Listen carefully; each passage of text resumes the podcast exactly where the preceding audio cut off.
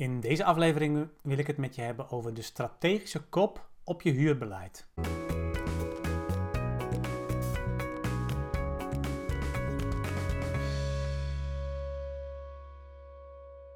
Ja, waarom zou je als corporatie eh, willen nadenken over een strategische kop bovenop je huurbeleid?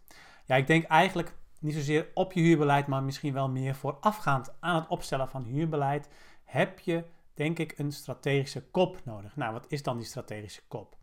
Als eerste, eigenlijk het huurbeleid aan zich is natuurlijk een tactisch uh, onderdeel van je integrale sturing van de hele corporatie. dus uh, als het gaat om huren op complex niveau, hoe dat uitpakt op woningniveau, uh, ja, dan kijk je naar prijs-kwaliteit, dan kijk je naar hoe hou je dat betaalbaar. dan moet je natuurlijk kijken naar hoe zorg je er ook voor dat je in verschillende prijsklassen voor je hele doelgroep, voor het hele spectrum van inkomens daarin, dat je ook aansluit bij de verschillende behoeften die daar, uh, die daar zijn. Uh, en dat je die ook in alle gebieden kunt aanbieden, als je dat wil natuurlijk. Daarin uh, leg je ook vast in je huurbeleid natuurlijk op dat tactische niveau van hoe ga je om met de mogelijkheden en ook de beperkingen helaas vaak van allerlei verschillende regelgevingen. Dus de regelgeving rondom passend toewijzen, rondom de jaarlijkse huurverhogingsmogelijkheden. En wat doe je misschien ook voor specifieke doelgroepen? Hè? Ga je uh, voor middeninkomens of uh, de wat hogere inkomens die ook in jouw woningen wonen? Ga je daar een ander beleid voor voeren, ander huurbeleid dan voor de mensen die aan de onderkant zitten qua inkomen? Wat doe je bijvoorbeeld in uh, specifiek vastgoedtypen, hè? zoals zorgvastgoed en vastgoed waar misschien veel ouderen wonen, waar juist studenten wonen? Um, ja, welke keuzes maak je daarin? Nou, dat zijn allemaal hele belangrijke keuzes die je in je huurbeleid wilt vastleggen.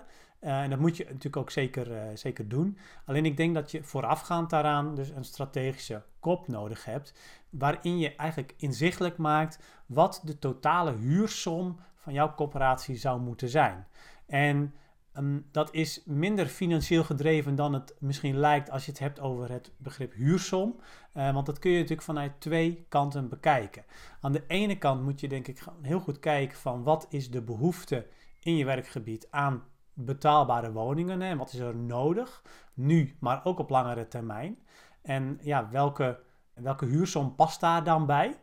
Uh, en aan de andere kant moet je natuurlijk ook gaan kijken van welke andere maatschappelijke opgaven zijn er waar ik investeringscapaciteit voor nodig heb. dus verduurzaming, maar ook het bouwen van extra sociale huurwoningen bijvoorbeeld. Ja, dat kost natuurlijk wel investeringscapaciteit. En om die investeringscapaciteit te krijgen of te houden, heb je een bepaalde huursom nodig. Nou, op het moment dat je vanuit die twee invalshoeken dat gaat benaderen en dat ook in samenhang doet met al die andere maatschappelijke opgaven die dus ook een beroep doen op de investeringscapaciteit, ja, dan kom je eigenlijk voorafgaand aan het uh, uitwerken van je huurbeleid zelf, kom je tot een bandbreedte of misschien zelfs een benadering al van de ideale huursom die je duurzaam nodig hebt om A. het betaalbaar wonen te borgen, maar B. ook ervoor te zorgen dat je investeringscapaciteit hebt om al die andere maatschappelijke opgaven aan te kunnen. Bedankt voor het luisteren naar deze podcast. Wil je nieuwe afleveringen ontvangen? Abonneer je dan op deze podcast. En kijk ook eens op onze website corporatiestratege.nl voor meer praktische tips en downloads die jouw werk als corporatiestratege makkelijker maken.